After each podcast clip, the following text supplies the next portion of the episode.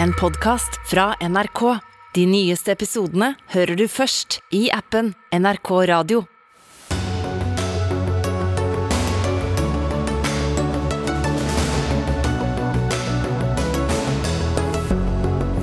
Julehilsen fra Norges Bank til alle med lån. Nå blir det dyrere. Utrolig umusikalsk, sier økonom. Høyre vil innføre vaksinetvang for uvaksinerte helsepersonell, men får ikke støtte fra dagens regjering. Flere kommuner benytter seg av muligheten til å innføre hjemmeskole, til tross for advarsler. Og lenge var han Høyres kronprins. Nå melder han seg ut av partiet. Hva skjedde med Torbjørn Røe Isaksen i alt mylderet?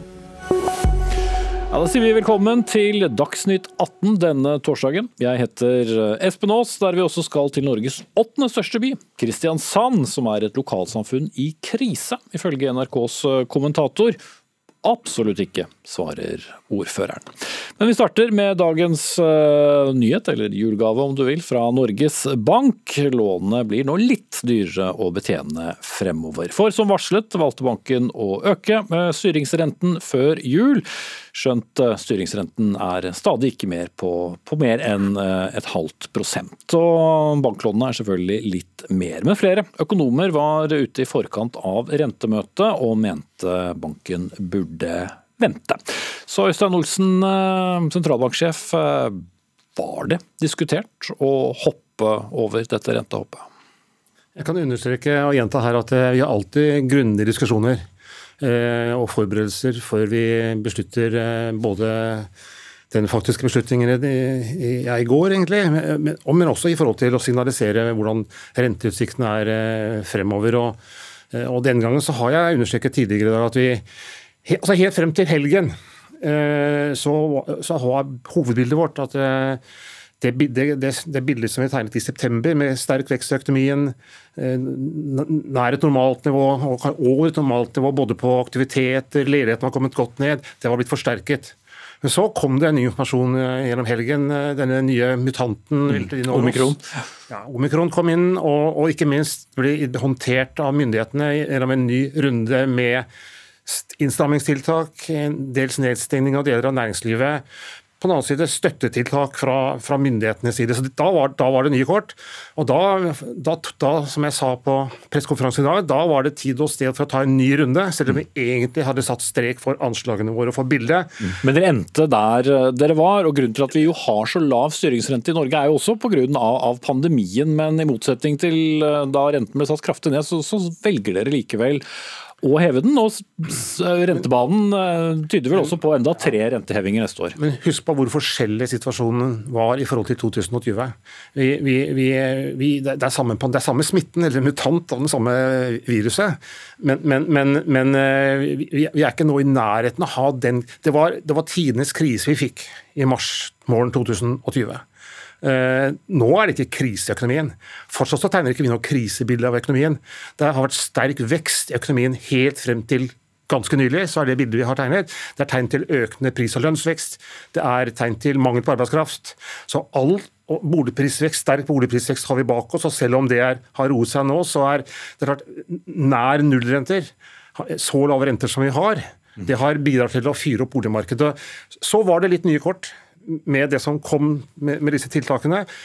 Hvis vi, vi, har sagt i dag at hvis det blir en ordentlig brems, en brems som er tøffere, sterkere, tiltakene varer lenger enn det vi nå legger til grunn, nemlig at det, at, at det lysner litt til, på våren, ikke bare i forhold til solen, men på alle måter, ja, så vil det påvirke renteutsiktene og føre, kunne føre til at renteoppgangen, som vi fortsatt har varslet, vil kunne bli skjøvet ut i tid. Mm. Jeg, men, men, det er renteoppganger som, som må komme? Som, som, som, vil komme, som bør komme. Eh, ja, det bør komme fordi nå har vi veldig lave renter. Noen betegner dette som kriselave renter.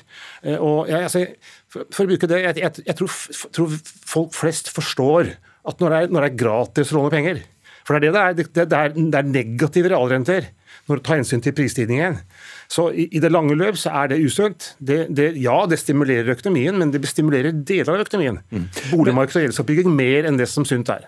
Eh, og så tyder jo ting på at eh, inflasjonen er på vei opp eh, i Norge, ikke minst pga. veldig høye strømpriser. Men, men, det som kalles kjerneinflasjon, den underliggende, ligger ja. foreløpig litt lavt. Ute i Europa ser vi en kjempehøy eh, prisstigning.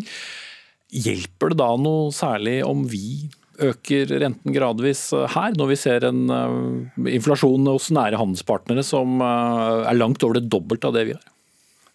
Men, men, avveiningene våre i forhold til inflasjonsutsiktene er egentlig motsatt. Så en, en hovedoppgave for sentralbanken er å holde prisstigningen stabil. Eh, den er, har vært lav lenge, eh, og moderat i prisstigning også i Norge. Men det er nå tegn til at prisveksten, særlig internasjonalt, men med gjennomslag også i Norge, er klart på vei opp. Og dersom, den høye, dersom de høye prisene på energi, på andre råvarer, metaller, fraktrater hvis det, hvis det vil forsterkes, og det vil slå inn i norsk økonomi, ja, så tilsier det høy, isolert sett høyere renter. Mm. Nå, nå, ser vi gjennom som vi sier, disse nåværende høye energiprisene fordi vi mener at de kommer til å gå ned. Så det har ikke påvirket uh, rentebeslutningene i vesentlig grad. Men om noe så tilsier sterk prisvekst på en rekke varer høyere renter, ikke lave renter. Jo, jo, jeg vet, eh, og det er jo hele poenget med, med å heve renten også. Men, men, hvis, så mitt poeng er når inflasjonen er på vei oppover internasjonalt, at Norges Bank da øker eh, renten, vil vel ikke nødvendigvis ha så mye å si? Det, vår, i, i, vårt lille land så vil ikke, ikke våre handlinger påvirke det, det, store inflasjonsbildet, men vi er opptatt av inflasjonsutsiktene i Norge. Og der, som, som, komiteen eh, som da beslutter renten, eh, vektlegger i det vi skriver nå i denne rapporten, så er også hensynet til å bidra til at vi ikke kommer bakpå i forhold til den inflasjonsutviklingen som, kan, som, som har blitt sterkere der lønnsveksten er justert opp i våre anslag, at ikke vi kommer bakpå i forhold til inflasjonsutsiktene. Som er, et, er, også en grunn til å søke å komme vekk fra et unormalt lavt rentenivå, som stimulerer både til muligens for høy vekst i konsumprisene, men også gjeldsoppbygging og, og, og en ny periode med sterk boligprisvekst. Mm. Skal slippe deg ut av studio nå. Bare avslutte med å spørre bør en tidligere statsminister få overta jobben din? Eh, jeg tror du og alle forstår at eh, jeg har, har merket meg faktisk at det er et par, noen, noen, minst to veldig sterke og interessante navn på den søkerlisten. Men utover det så kan jeg ikke kommentere det, det valget som eh, det regnet jeg ikke med, men jeg måtte stille spørsmålet. Takk skal du ha, Øystein Olsen, sentralbanksjef. Kari Du Andresen, sjeføkonom nå i Akershus Eiendom. Du har fulgt rentemarkedet i mange mange år, og forut for rentemøtet så sa du at det var sitat, 'utrolig umusikalsk' å sette opp denne renten. Mm. Og så gjorde de det. Men hvorfor var det så umusikalsk? Fordi at Nå står vi i en situasjon med nedstenging, må vi vel kalle det, i norsk økonomi. Skolene der hvor jeg bor er iallfall stengt. Vi har eh, skyhøy smitte. Finansdepartementet leter etter løsninger for å hjelpe folk å betale regningene sine. Eh, og så setter Norges Bank opp renta. Det syns jeg er umusikalsk. Jeg mener at de burde ha sett an situasjonen. De har ikke så dårlig tid. Mm. Nå sa jo Øystein Olsen på, her i studio da, at eh, det, det ble uh, vurdert, men mm. de, de, fastholdt da sin uh, opprinnelige plan. Burde de ha tenkt lenger? Ja, jeg syns da det var en dårlig vurdering. Mm. Men får det noen store konsekvenser at uh, vi går opp fra et veldig lavt eh, rentenivå til fortsatt lavt rentenivå, altså et halvt, uh, halvt prosent? Nei, men altså Grunnen til at man setter opp renta er jo at man ønsker å stramme inn. Og jeg mener at Man trenger ikke en innstramming nå. Man bør se an denne situasjonen hvor strenge restriksjoner vi må ha gjennom vinteren før man gjør noe med renteutsiktene. Man kunne godt ventet til mars, mener jeg, med å sette opp renta, hvis det da er på, sitt, på sin plass. Mm. Økonomikommentator Cecilie Lange Becker her i NRK. Hvordan blir en slik renteøkning da oppfattet? Hva, hva skjer? For det er jo fortsatt veldig lave nivåer.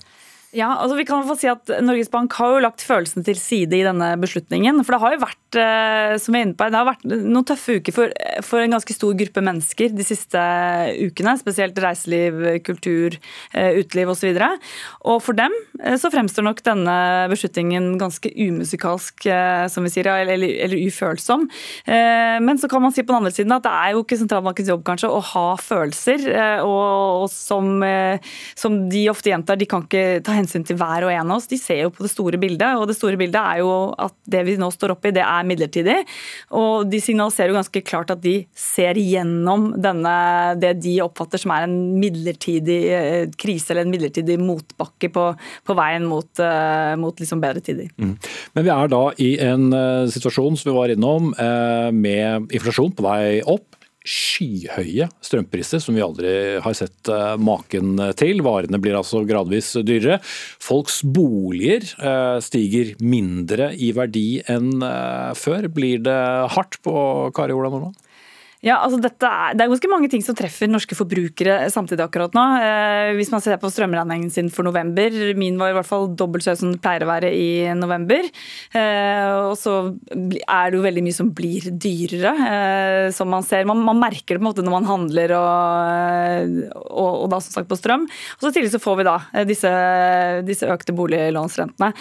Og har du et lån da nå på si 4 millioner kroner, eh, så må du betale omtrent 800 kroner i måneden mer bare renter for hver eneste renteøkning. Og nå er det jo eh, signalisert ganske mange renteøkninger eh, fremover. Eh, kanskje fem til, i tillegg til den vi hadde i dag. sånn at det er på en måte bare å begynne å sette seg ned og regne. Så blir det jo strammere for, for folk flest. Men vi har også en ganske høy lønnsvekst i vente i 2022. Mm. Men du Andresen, det er jo tre renteøkninger da neste år, gjentok Norges Bank i dag. Burde de da hoppet over Eh, en av dem?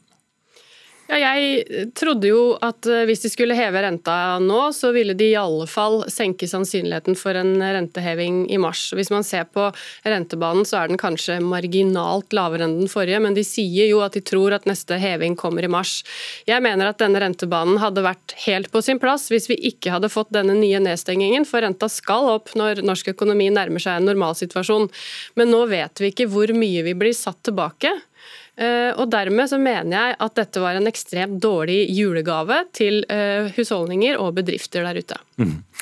Eh, du jo, var jo mange år i Handelsbanken, nå er du over i, i eiendom. og Mange er jo spent på om disse grepene til, til, Norges Bank da kjøler ytterligere ned et tidligere brennhett boligmarked. Hva tror du?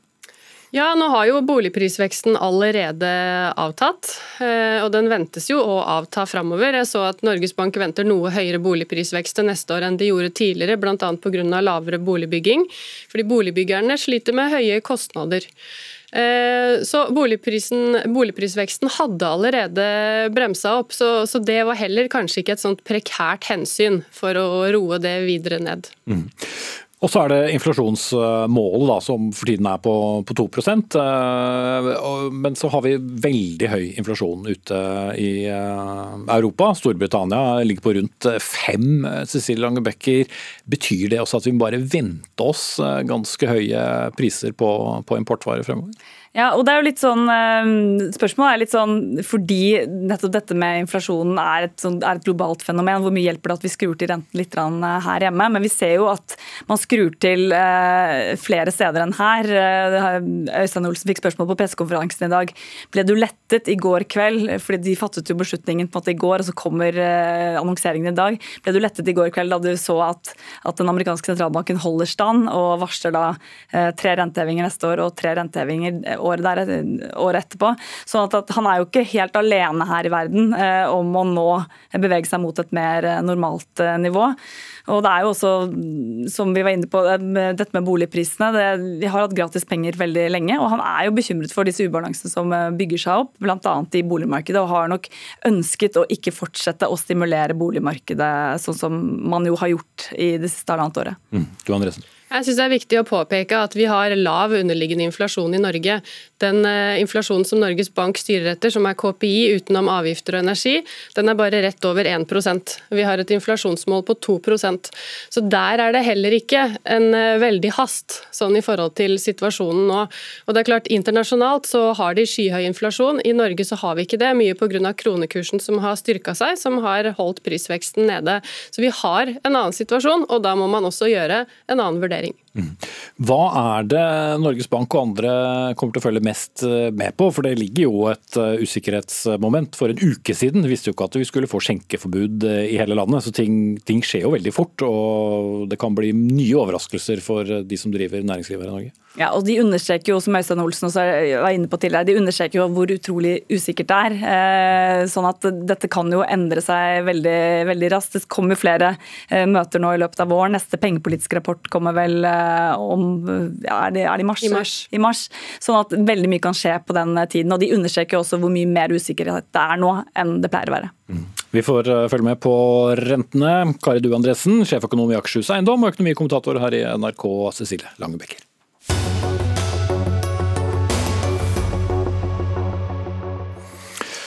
Mange skoleelever rundt omkring i det ganske land har eh, allerede måttet eh, ta juleferie. Eller måttet og måttet, de er sikkert mange som er glad for det. Mens andre har startet med en kort liten hjemmeskole før eh, juleferien. Til tross for at kunnskapsministeren før helgen sa at det siste vi stenger ned er skolen. Vel, vel. Vi skal snakke med en av kommunene straks, men eh, først skal vi til deg, eh, Else Marie Augusti, forsker ved Nasjonalt kunnskapssenter om vold og traumatisk eh, stress, kalt NKVTS for alle som liker forkortelser. Du har advart om for mye restriksjoner, men først og fremst rene konsekvenser for barn og unge når de skyfles hjem igjen. Ja, vi er redde for en unødvendig bruk av digital hjemmeskole nå. For et år siden da pandemien brøt ut, så visste vi ikke veldig mye om konsekvensene av eh, bruken av hjemmeskole. Men nå vet vi, basert på bl.a. forskning som vi har gjort her i Norge, at én eh, av fire barn har vært utsatt for vold eller overgrep under pandemien. Eh, og særlig barn som lever i familier med dårlig råd, barn som har foreldre som sliter med rus eller psykiske helseproblemer. Og det bekymrer oss nå når skolene stenger ned igjen, og vi vet dette. Og vi er særlig opptatt av å understreke understreker og håper at eh, myndighetene nå tar det på alvor, den kunnskapen vi sitter med, og setter inn i hvert fall kompenserende tiltak dersom det er helt nødvendig å, å gå over til digital hjemmeskolebruk. Mm. Men Ligger det da også en kritikk her fra dere om at det er for lett å sende elevene hjem? fra, fra myndighetenes side? Så Jeg har ikke lyst til å kritisere, men jeg har lyst til å oppfordre eh, til å tenke seg veldig godt om. Ha veldig gode planer eh, som er realistiske og som gjennomføres eh, for hvordan vi skal håndtere dette her nå for de barna og ungene som vi er særlig bekymra for når man stenger ned skolene. Som jo er en friarena for mange av disse barna som ikke har det trygt og godt hjemme. og det er vi opptatt av at blir ivaretatt nå. Ingen har vel sendt flere elever hjem enn da nettopp Oslo kommune. Sunniva Holmås Eidsvoll, du er eh, byråd for oppvekst eh, og kunnskap eh, fra, fra, SV. Det var siste dag på fysisk skole i, i hovedstaden i dag. Når du hører hva Augusti sier, er dette så klokt? Dette har vært en beslutning som vi i det lengste har ønsket å unngå. Så jeg er helt enig i at det vi må gjøre nå videre fremover, er å gjøre det vi kan for at skolene kan åpne fysisk igjen og drive smittevern forsvarlig på gult og rødt nivå etter juleferien er ferdig. Men, men hvorfor velger dere å la de, det blir fire siste dagene da, før jul, eh, at ikke de også kan skje fysisk på skolen? Det er rett og slett fordi vi ikke har nok bemanning til å, å drive skolene. Du trenger Alle skolene? Det er riktig. Vi fikk den tilbakemeldingen at nå var det så mye sykefravær. Det har det vært over lang tid. Og i tillegg denne uken så kom det nye karanteneregler som gjør at lærere må i karantene hvis det er smitte på skolen eller som de er i klassen. Og da ble det rett og slett så mange lærere som enten er syke eller hjemme i karantene at det ikke var mulig å drive smittevern forsvarlig på skolene. Mm, men det betyr vel at vi fortsatt kan være der når vi kommer på nyår også? Det er det vi jobber for ja, å få til. Og nå registrerer jeg i dag at Folkehelseinstituttet har kommet med nye anbefalinger om dette til regjeringa. Om at lærere i fremtiden skal slippe å være i karantene hvis det er smitte på skolen. Og hvis regjeringa lytter til eh, FHI nå, så er jeg mye mer optimistisk med tanke på å slippe den situasjonen etter nyttår. Mm. Ingen fra regjeringen hadde mulighet til å være med, men ta på dere hodetelefonene. For eh, Marit Knutsdatter Strand, du er stortingsrepresentant fra Senterpartiet og medlem av utdannings- og forskningskomiteen, og pleier da å måtte være enig med regjeringen. Barn og unge skal skjermes, det har vi jo hørt veldig mange ganger. Men eh, det blir jo ikke helt sånn, da. Er det for lett å stenge skolen? Regjeringa er opptatt av å både følge smittevernfaglige råd, men selvsagt også ivareta barn og unge. Og som Augusti sier her, de sårbare barna er de vi er eh, aller mest bekymra for eh, alle sammen når det må skje nedstengning. Men fra regjeringas side er det viktig at det er smittevernet som er i førersetet, at vi følger de faglige rådene. Og da Fra nasjonalt hold har vi eh, gått inn for gult nivå i grunnskoler, rødt nivå i videregående, for å skjerme eh, eh der det er smitte, og kunne begrense kontakt. Jo, Vi husker jo hva som ble sagt den gangen, men poenget nå er jo at mange barn likevel ender opp med å måtte pakke skolesekken og ta med seg det de har hjem for å bli Nå skal mange barn være hjemme fra nå av og til en eller annen gang på nyåret. Og det var vel ikke intensjonen? Intensjonen er å følge smittetrykket, og når Oslo kommune, som eh, byråden her sier, går inn for den eh, løsninga som de nå velger, så er det ikke fordi de har lyst, det er fordi de må, og fordi smittetrykket tilsier det. Og Karantenebestemmelsene gjør det mer krevende å få personkabalen til å gå opp. Det anerkjenner regjeringa og vi på Stortinget, så vi eh, gjør vårt for å bidra til at nedstenginga skal få minst mulig konsekvenser. Mm. Så dere vil følge anbefalingen fra FHI da, om at eh, lærere ikke må i karantene? Vi følger fortløpende de helsefaglige rådene som kommer, og gjør vurderinger basert på det. Nå skal ikke jeg konkludere basert på de nyeste rådene, men regjeringen er opptatt av å følge smittevernfaglige råd, for det er det som skal være førende for eh, håndteringa av koronautbrudd rundt omkring i Norges land. Mm. Ja, det betyr jo at det fortsatt er litt åpent. da, Augusti. Dere har jo eh, en del data på hvordan det gikk mm. sist gang. Eh, barn var Da var de lenge hjemme. Eh, og hva har vi, har vi lært noe av eh, det, når du ser situasjonen nå? Nei, altså Jeg frykter jo litt at vi ikke har lært tilstrekkelig. Altså, her må vi tenke tiltak som kan kompensere og gjøre at ikke skolene må stenge ned. Og som gjør at barn og unge, alle barn og unge, uavhengig av familiesituasjon, kan opprettholde et så normalt og vanlig liv som mulig. Vi må huske på det at nå har pandemien snart vært i to år, og det er lang tid av barns liv. og eh, Det er en slitasje på barn å måtte eh, justere sine forventninger hele tiden. og, vi, eh, vi vil vil jo eh, oppfordre, basert på det vi vet om barns utvikling og den forskninga vår, både det siste året, men også under forrige skolenedstenging, at vi prøver å finne andre løsninger. Eh, mm. Men vi kan jo ikke vedta at uh, verken lærere eller elever ikke blir smittet av virus, og man har heller ikke en hær med vikarer stående. Så må vi ikke da bare regne med at vi må ha digital undervisning i perioder? Helt sikkert, men det bør kanskje ikke være nasjonalt eller veldig globalt på en måte innad på skoler, men at man kan tilpasse det smittetrykk og smittenivå, sånn at det er forholdsmessig for de barna det gjelder. Mm. Eh, men, men, både i Oslo og mange andre kommuner, det gjelder jo for all del ikke hovedstaden eh, alene, dette er det ikke kunnskap vi tok med oss fra forrige nedstengning? Nå er det ikke full nedstengning på nytt, da, men i hvert fall konsekvensen er jo at eh, mange barn nå rundt omkring i landet er hjemme. Var det ingenting vi kunne tatt med oss fra forrige runde som kunne gjort at vi forhindret det nå? Jo, vi har tatt med oss veldig mye. Og det er veldig viktig for meg å si at alle de med foreldre i samfunnskritisk yrke, eller barn som er nettopp sårbare, våre barn som trenger ekstra oppfølging, skolene vet hvem de er. De skal få et fysisk tilbud på skolen nå, selv om vi har digital undervisning i Oslo. Så det legger vi til rette for. Og I tillegg så holder vi aktivitetsskolen åpen i romjula. Da kan alle som trenger det tilbudet, bruke det. Eh, med mindre det også blir bemanningsproblemer der, og barnehagene er åpne. Mm. Eh, Strand, stadig med oss på, på, linje. Hva skjer? Altså sitter du fortsatt ikke i regjering da, på, på, Stortinget, men ditt parti er eh, i, i regjering. Hvor raskt kan det komme nye vurderinger? De blir gjort fortløpende. Så vi må jo også være klare for rødt nivå hvis det er det som er riktig, f.eks. Som tilsier da enda strengere tiltak på skolene. Men jeg er litt opptatt av å si nå, som Augusti etterspør, kompenserende tiltak. For det jobber selvfølgelig også regjeringa med. Og nå blir det jo rulla ut ordninger etter hvert som skal bidra til å kompensere for tapt sosial og faglig læring og utvikling. Og det blir også rulla ut mer midler til kommunene for å kunne kompensere for belasta bemanning, lærere og ikke minst lærere skal bli prioritert for en tredje vaksinedose. Så regjeringa er også opptatt av å følge opp dette som både går på bemanning og kompenserende tiltak. Mm -hmm. Men hvis ikke det er nok bemanning, så er det jo ikke nok bemanning uh, uansett hvor gode intensjoner en regjering har? Ja, og det er eh, klart det er ikke bare å hente inn folk. Eh, dette er jo eh, folk som er viktige nøkkelpersoner i oppvekst og opplæring i barns hverdag. Sånn at vi har full respekt for at dette er en krevende kabal å legge.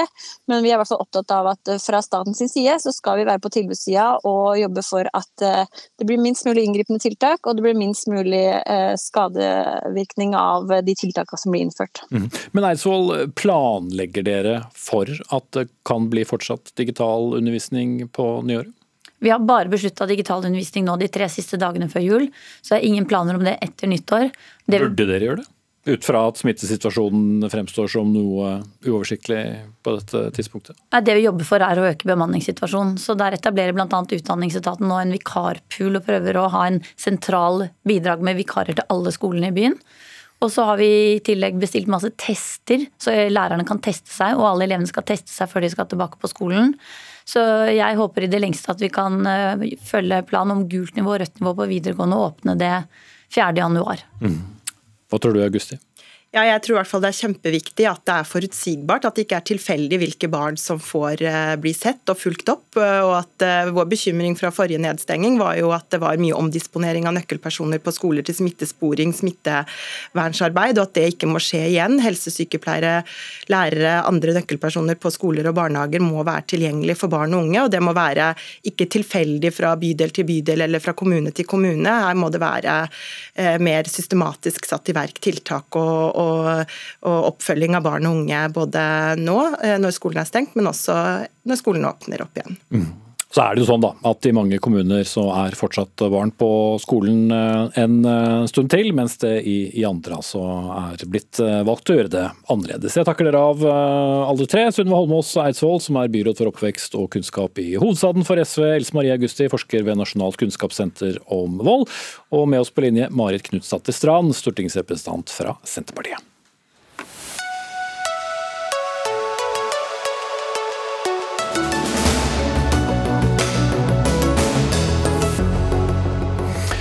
Ja, Vi nærmer oss halvgått halvgodt løp i sendingen. Litt senere skal vi møte han som eh, har tilbrakt så godt som hele sitt voksne liv i Høyre. Helt til nå, hvordan skal Torbjørn Røe Isaksen klare seg i en vanlig jobb, spør Dagsnytt 18 om litt. Men mer om eh, gjenåpning, eller hvordan det til slutt eh, ble. For eh, knapt var jo meldingen om strenge smittevernsrestriksjoner fra Støre-regjeringen blitt gjort kjent, før kritikk kom mot den forrige regjeringen for å kanskje ha åpnet eh, kongeriket litt for tidlig. Det kom fra flere hold, men en av dem var deg, Emil André Erstad, kommentator i, i Vårt Land. Og jeg siterer fra din kommentar. Mye kunne sett annerledes ut dersom Erna Solberg og den forrige regjeringen ikke slapp viruset fritt i september. Var det det de gjorde? Nei, De åpna opp i slutten av september samfunnet som, eh, som mange av oss var glade for, eh, meg sjøl inkludert. Vi dansa og hadde det kjekt. Eh, men det som òg skjedde, var at man nedjusterte f.eks. TISK-strategien, den som handler om testing, isolasjon, sporing og karantene. Og det var det en del kommuner, smittevernoverleger, kommuneoverleger som reagerte på når da smitten begynte å, å vokse igjen. Men de slapp ikke viruset fritt, som du skrev? Viruset er jo fritt i, seg selv, men det, man slapp tiltakene helt eh, ned, og da, da var, var smitten òg fri. Hvordan ville du og andre reagert dersom regjeringen sa vi skal fortsatt ha strenge smitteverntiltak selv om ikke det er noe særlig smitte? Jeg var blant en av de som dansa og syntes det var kjekt eh, at eh, regjeringa slapp opp i, i, slutten av september. Men Derfor ville det vært vanskelig å argumentere for en fortsatt uh, Man kunne argumentert for at TISK f.eks. skulle hatt en viss en, en, en mindre uh, rett ned-nedstenging, eller en mindre rett ned-oppslipp som man gjorde. At man kunne hatt en mer gradvis overgang. Det kunne man argumentert for. Mm. Flere i Høyre som både var i regjering eller sitter på Stortinget, som eh, mener sitt om den kommentaren. Nærstad. De er travle på, på, Stortinget ifølge dem selv, men Ola Svenneby, du er leder av Unge Høyre og har muligheten til å være her. og får sitere litt fra hva du har sagt om kommentaren til Erstad. da. En autoritær tilnærming til smitteverntiltak. Eh, hva legger du i det?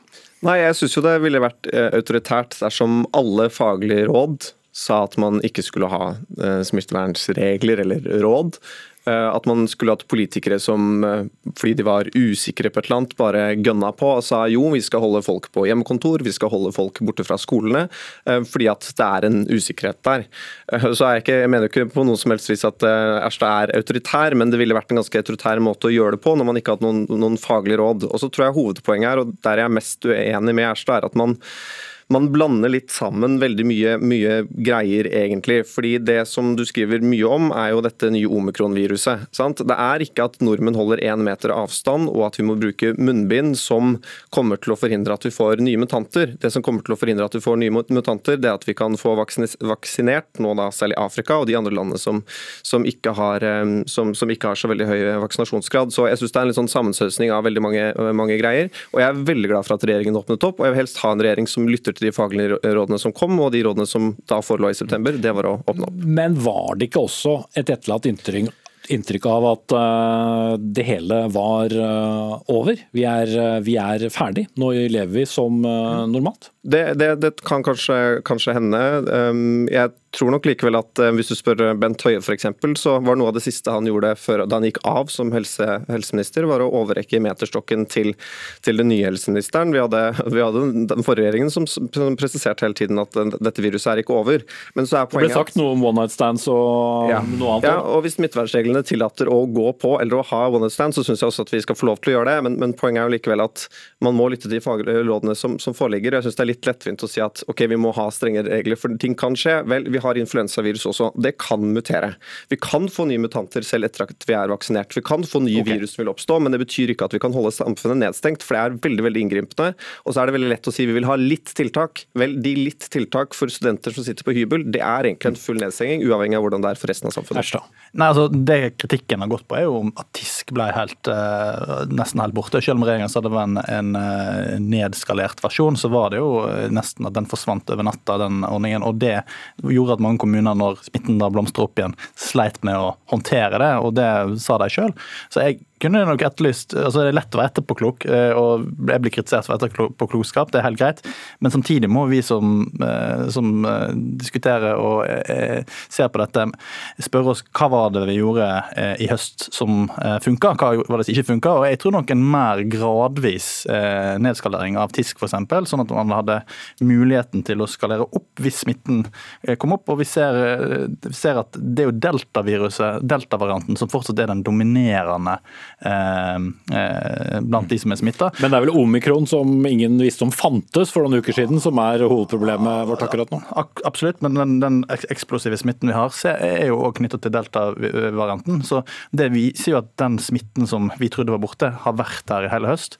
Um, og at kanskje den, den veldig brå åpningen i slutten av september kanskje ikke var det riktige. Men det er først og fremst TISK-strategien som uh, du kritiserer, eller var det den åpningen som ble forvirret igjen? Nei, altså TISK-strategien uh, som ble jo da tatt bort sammen med den åpningen, det var jo en del av den store gjenåpningen. og det kan hende man kunne åpna for at folk kunne gått og hatt one night stands eller gått ut og danse, men likevel beholdt et TISK-regime i kommunene. Det er jo det mange av de som, som er etterlyst av kommunevernoverleger og, og Enig i det, Senneby? Ja, altså Man kan helt sikkert eh, peke på at eh, TISK og den strategien burde vært bedre gjennomført, men nå er det ikke, eh, jeg er nok ikke helt enig at når jeg leser den kronikken din at det bare handlet om TISK heller. Det står, du fikk et annet etterlatt inntrykk? Ja, det står bl.a. om legitimiteten til tiltakene. Jeg kan være helt enig med at det, at det, kan være vanskelig at man nå opplever at endelig var vi fri, endelig hadde vi muligheten til å leve normale liv, og så opplever det som tøffere å gjennomføre tiltakene fordi at de kommer etter at man har levd i hvert fall relativt fritt. Men er det noe som hadde truet legitimiteten til ikke bare altså, En ting er om det ville vært lov å holde nedstengt, sånn rent juridisk. Men er det noe som ville, eh, ville vært vanskelig for legitimiteten til politikere, til fagmyndighetene, så ville det vært å få det norske folk til å akseptere å sitte på hjemmekontor, akseptere til at de ikke kan leve et normalt liv, når man ser at det er veldig veldig lite smitte. Det ville truet legitimiteten, i tillegg til at det også ville gjort at Jonas Gahr Støre ikke hadde hatt de verktøyene i verktøykassa som han nå har, fordi da ville allerede meteren vært der, selv om folk ikke fulgte den. Tiden løper her, men bare avslutningsvis, eh, Erstad. Raymond Johansen, byrådslederen i Oslo, og for så vidt vel også statsminister statsminister Jonas Gahr Støre var jo likevel opptatt av at vi skulle gå på julebord helt til vi sluttet å, å, å, mene det. Så her er det vel mange politikere, ikke bare den forrige regjeringen, som, som bærer litt ansvar? Absolutt, og jeg har kritisert eh, de andre politikerne i en kommentar tidligere forrige uke, så det, de har fått sin del av det. Og jeg tror Høyre og Erna Solberg, som har vært veldig høye og mørke nå den siste tida i, i møte med nettopp Støre, Raymond Hansen og, og deres håndtering, eh, og, og må, må, tåle at det er helt legitimt at vi diskuterer der, den innsatsen de hadde mot slutten av, av sin regjeringsperiode og sin håndtering av pandemien. Mm. Med fare for å bli Eh, pompøs, så er det kanskje på plass med et eh, Søren Kirkegård-sitat her, uten at jeg husker det eksakt, men det er noe med å leve livet forfra og forstå det bakfra. Emil André Erstad, kommentator i Vårt Land, og Ola Svenneby, leder av Unge Høyre.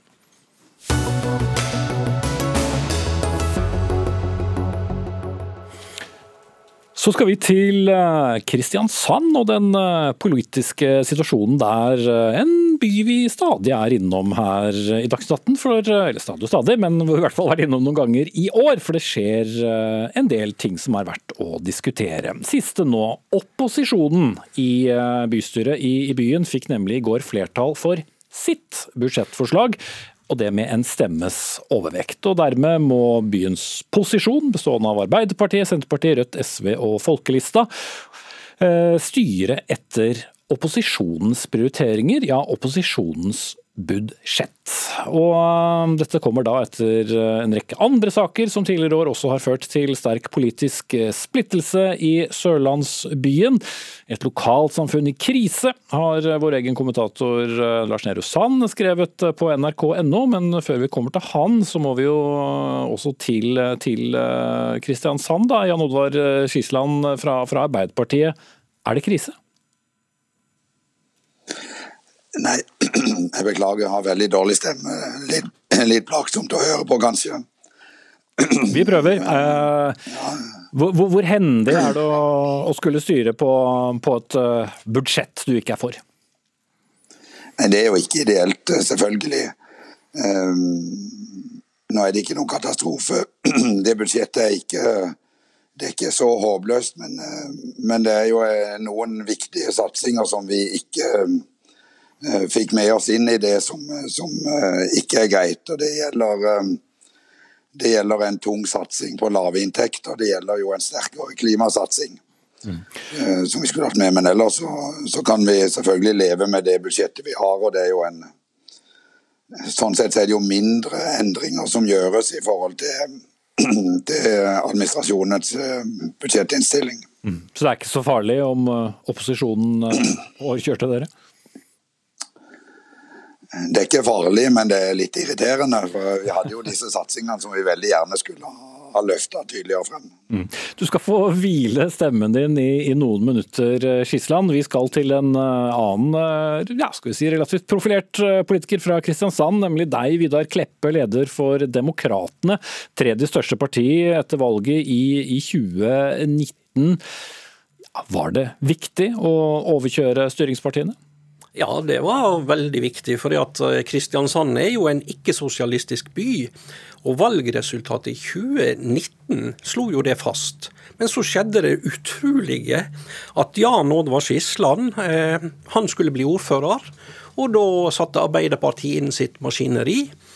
Og etter 72 år så klarte de det med å kjøpe opp eh, fire av våre ti innvalgte. Mm. Altså kjøpe opp, kaller du det, men dine, dine partifeller da, krysset ja. linjen og, og, ga motsatt side flertall? Ja, det gjør de. Og når du hører på stemmen til Skisland, så skjønner jeg jo det at uh, det var ikke så greit i bystyret i går allikevel. For det at uh, vi har et skjørt flertall. Arbeiderpartiet sjøl har satt seg i denne situasjonen. Arbeiderpartiet, som sier i alle sammenhenger at alle skal med, de har faktisk talt et, fattet et vedtak på at det er helt ulovlig det er nærmest kriminelt å snakke med demokratene om politikk.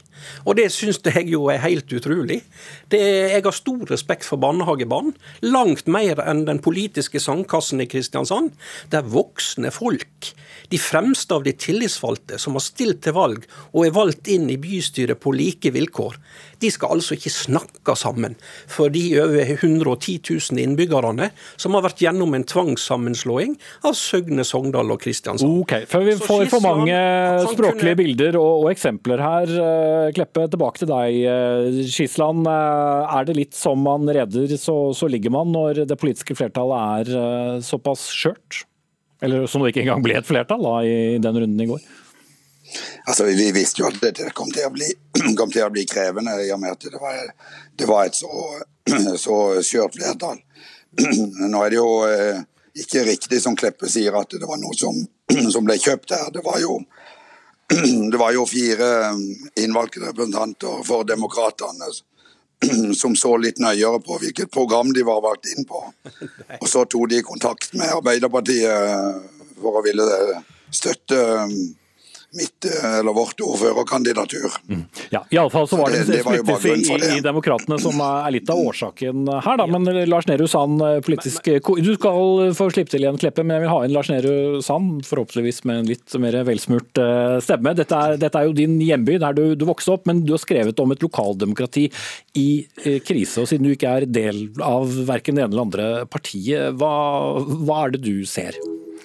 Jeg ser et, eh, en by hvor eh, det var store eh, protester på et folkelig nivå mot en elite og et etablissement, eksemplifisert med de tre store partiene i byen, Arbeiderpartiet, Høyre, KrF, og for så vidt også den ledende lokalavisen Federlandsvennen. Det avstedkom et alternativt medium, eller en Facebook-gruppe, Sørlandsnyhetene, som nok utvikla seg til noe annet enn det grunnleggende hadde sett for seg, men det ble etter hvert en eh, arena i, på, på kommentarfeltnivå som, eh, som ødela den politiske debatten i Kristiansand, men også skapte en vekst for uh, vekstmulighet for demokratene og den nyoppretta tverrpolitisk folkeliste inn i uh, valget uh, 2019, som endte med et sjokkvalg, hvor de to store partiene Ap og Høyre gikk kraftig tilbake, og da demokratene og, og denne folkelista gikk kraftig frem. Det vi har sett nå er på en måte kulminasjonen av, fordi som Kleppe sier, det var et borgerlig flertall, men det ble ingen borgerlig ordfører fordi Harald Furre skulle kastes. Det var et selvstendig poeng, nærmest. Altså den tidligere ordføreren? Den tidligere ordføreren fra Høyre. Og det som da skjer, er at eh, selv om det er et borgerlig flertall, så splittes demokratene opp. Eh, det har også skjedd med flere av de andre grupperingene, så mange folk har bytta eh, stoler kan man si, i bystyret siden valget, uten at velgerne har fått påvirke det. Og så ser vi at at de ferske partiene som velges inn, har ikke nødvendigvis den strukturen som skal til for å, eh, å holde. Det påvirker hele maktkonstellasjonen, og det gjør eh, at eh, det politiske bildet fragmenteres, og at man Det gjør det mye vanskeligere å styre byen, som Skisland nå har blitt et offer for, ved at det er vanskelig for han å gjøre noe så grunnleggende som å danne flertall for budsjettet sitt. Mm. Og så er det to år igjen til neste valg, så det kan bli to interessante år, da? Ja, Det kan jo det, fordi Høyre sier at eh, det er ikke, dette er ikke noe ekteskap med eh, Klepp og Demokratene. Det sier Kleppe selv også. Så hva slags utfordrer dagens eh, på en måte venstreside opposisjon, men da med denne folkelista tungt inne? Folkelista gikk jo til valg mot etablissementet, de også. De fikk riktignok fratatt Høyre-ordføreren, men nå sitter vi her med et borgerlig budsjett likevel. Så, så det blir jo interessant å se hvordan hvordan maktbildet eh, blir i Kristiansand frem mot eh, neste lokalvalg. Hvordan høyresiden eh, blir, og, også hvordan venstresiden tar dette budsjettnederlaget. Mm. Ja, tilbake til deg, da, Vidar Kleppe. Hva slags ansvar har dere da på, på den borgerlige blokken, som jo da også er noe fragmentert for innbyggerne i, i byen de neste to årene? Vi har et kjempeansvar, og derfor har vi nå lagt inn en sterk reduksjon av eiendomsskatten. Vi styrker helse- jo, Jeg tenkte ikke på de politiske sakene som ditt parti er over, men faktisk det eh, Mitt... å, å, å, gi eh, en forutsigbarhet for, for, byens innbyggere, i og med at det skal så lite til før eh, hovedvekten havner på den siden du tilhører, eller den siden som Skisland tilhører. Ja, nei, Vi demokratene vi har jo åpen dør til alle. og Min telefon er på 24-7, så det er ingen problemer med det. Det vi så nå før eh, budsjettforhandlingene, det var det at vi i Demokratene gikk ut og sa at eh, ja, vi kommer kanskje til å bryte kommuneloven med å nekte å stemme på de to budsjettpakkene som står igjen. Mm. Så nå må det ta kontakt med oss, og vi fikk kontakt med Høyre for første gangen. Og vi har satt og diskutert med Høyre. Og da viser det seg det at eh, de mest trofaste trofaste som står bak et samarbeid, det er oss i Demokratene. Og det vet jo Skisland fra tidligere, når han var ordfører i Kristiansand. Vi hopper over den historiefortellingen, og så går vi bare Nå er Skisland med, du har falt ut her et par ganger. Men hvis stemmen holder, Skisland, eh, eh, hva er din eh, strategi? Er det en mulig strategi videre å, å snakke litt mer med, med Kleppe, siden han har så mange åpne dører? Han får ikke lov av partiet sitt. Ja, det, vi har en utfordring i forhold til det. Og det handler jo både om at det er i utgangspunktet ganske Uff, jeg beklager dette. altså, At det er ganske stor avstand politisk. Og det andre er jo at vi hadde den Facebook-sida som, eh, eh, som bidro til et veldig ubehagelig debattmiljø før forrige valg. Jo da, nå er du også inne på den eh, historiefortellingen da, som jeg egentlig stoppet Kleppe i, for jeg prøver å, å se litt uh, fremover. Er det uaktuelt for en av gangen, er det uaktuelt uh, Skisland, å se om det er mulig å inngå en form for samarbeid med demokratene, og sånn sett muligens uh, få en mer stabil situasjon i Kristiansand? Ja, det var det jeg prøvde å si, at med bakgrunn i det som skjedde før, før forrige valg, så er jo det en eh, bakgrunn for at Arbeiderpartiet har sagt at en ikke ønsker eh, politisk samarbeid med, med demokrater. Og der røk linjen din. Jeg tror vi, og det var vel stemmen i ferd med å gjøre òg. Og på toppen av det, tiden er ute. Takk til dere alle tre. Vidar Kleppe, leder for Demokratene. Jan Oddvar Kisland, ordfører i Kristiansand fra Arbeiderpartiet. Og Lars Nehru Sand her i studio. Bye.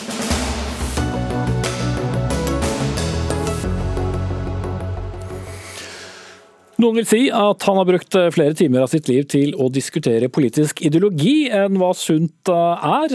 Han har ledet eh, en rekke departementer, og ble også en gang pekt ut som en av Erna Solbergs mulige arvtakere. Men i går ble det kjent at han blir ny samfunnsredaktør i Skipsted-publikasjonen E24, og melder seg ut av partiet. Og Torbjørn Røe Isaksen, føles det nakent? vet du hva, akkurat nå Eh, som jeg da mm, Jeg jo ikke, vet jo ikke helt når jeg skal begynne, jeg må vente på karantenenemnda og sånn. Så akkurat nå føles det litt nakent, men så er det så mye jul eh, og så mange barn og så mye hjemmeskole og stengte barnehageavdelinger at det er mer enn nok å fylle tida med. Mm. Det er jo noen politikere som er mer opptatt av enkeltsaker, andre er en ganske ideologisk politiker. Og jeg tror mange vil putte deg kanskje i den siste, vært veldig opptatt av det å, det å være konservativ. Hva hva, hva det betyr osv. Hva slags samfunnsredaktør blir en som har vært så opptatt av Høyres ideologi? Ja, men eh, det blir en god samfunnsredaktør. I all beskjedenhet. Ja, i all beskjedenhet. Eh, og så skal jeg også kommentere og analysere. Og, og målet da er jo å bli en stemme i E24 som leseren har lyst til å følge over tid. Eh, og jeg tror for å gjøre det, så kan du ikke skrive lesebrev. Det er det Altså, jeg har skrevet lesebrev før, og jeg har lest mange lesebrev, men det er ikke det du oppsøker en publikasjon for å lese. Du er nødt til å gi folk noe som gjør dem litt klokere, og av og til også gode meninger. Mm. Eh, så kombinasjonen av det det gleder jeg meg til å sette fatt på. Men det er, det er jo ikke sånn at, ikke sånn at ideologi eller ideer i politikken det er jo ikke, En ting er man kan synes det er spennende i seg selv, men, men poenget er at det er et verktøy for å prøve å forstå verden også. Hvis man skal klare å forstå hva som eh, kommer til å prege norsk næringsliv og økonomi de neste 20-30 årene, så er det ganske viktig å skjønne f.eks. hva som beveger seg på idéplanet i det kinesiske kommunistpartiet, for å ta et eksempel. Men vil ikke da leserne av E24 tenke at uh, han ser jo alt på alt med partipolitiske briller uansett? Jo, eh, noen vil kanskje tenke det, og det var en av grunnene til at eh, det var åpenbart for meg at jeg måtte følge det som er eh, normen og regelverket i skipsstedspublikasjoner, nemlig at du, du har ikke bindinger til bestemte partier eller politiske grupperinger eller noe sånt.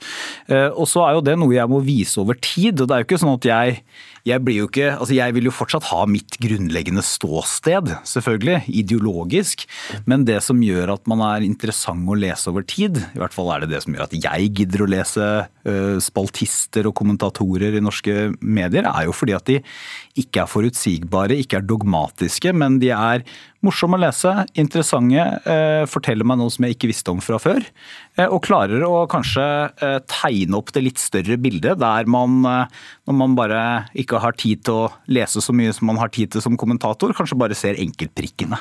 Men så vet jeg også, etter å ha jobbet med politisk journalistikk i noen år, da, at politikere irriterer seg også veldig ofte over kommentatorer. Kommer du til å velge å gjøre noe som du, eller la være å gjøre noe som du mener at dagens politiske kommentatorer f.eks. rundt omkring uh, gjør som er irriterende? Uh, ja, men ikke sånn kommentatorkorpset som helhet. Men jeg, jeg er jeg, jeg syns et godt utgangspunkt er hvem er det jeg syns er interessant å lese, hva er det jeg syns er interessant å lese. Og jeg syns det å bare lese om hva en annen person mener, uke etter uke eller dag etter dag, har liksom mindre interesse.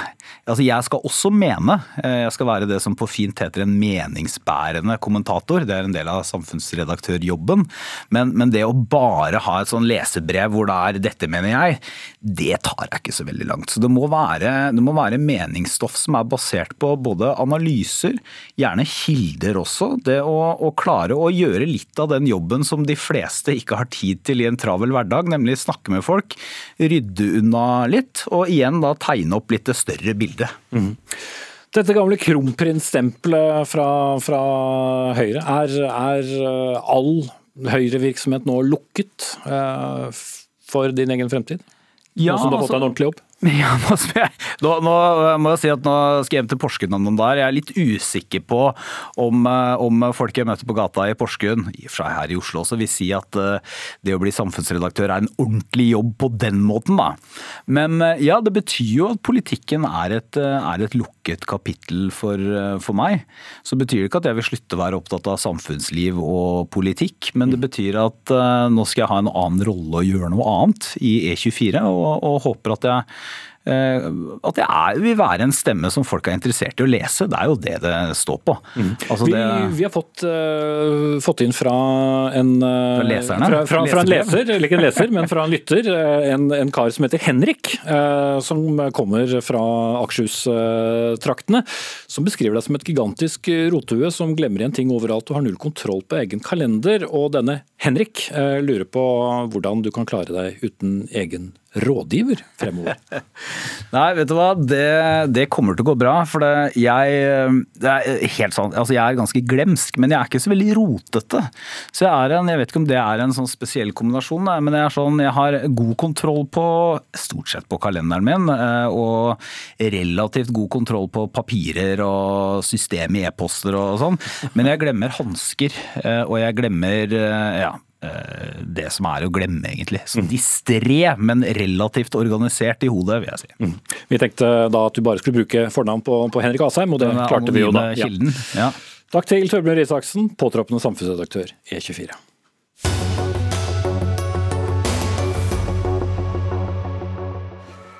Du har hørt en podkast fra NRK. De nyeste episodene og alle radiokanalene hører du i appen NRK Radio.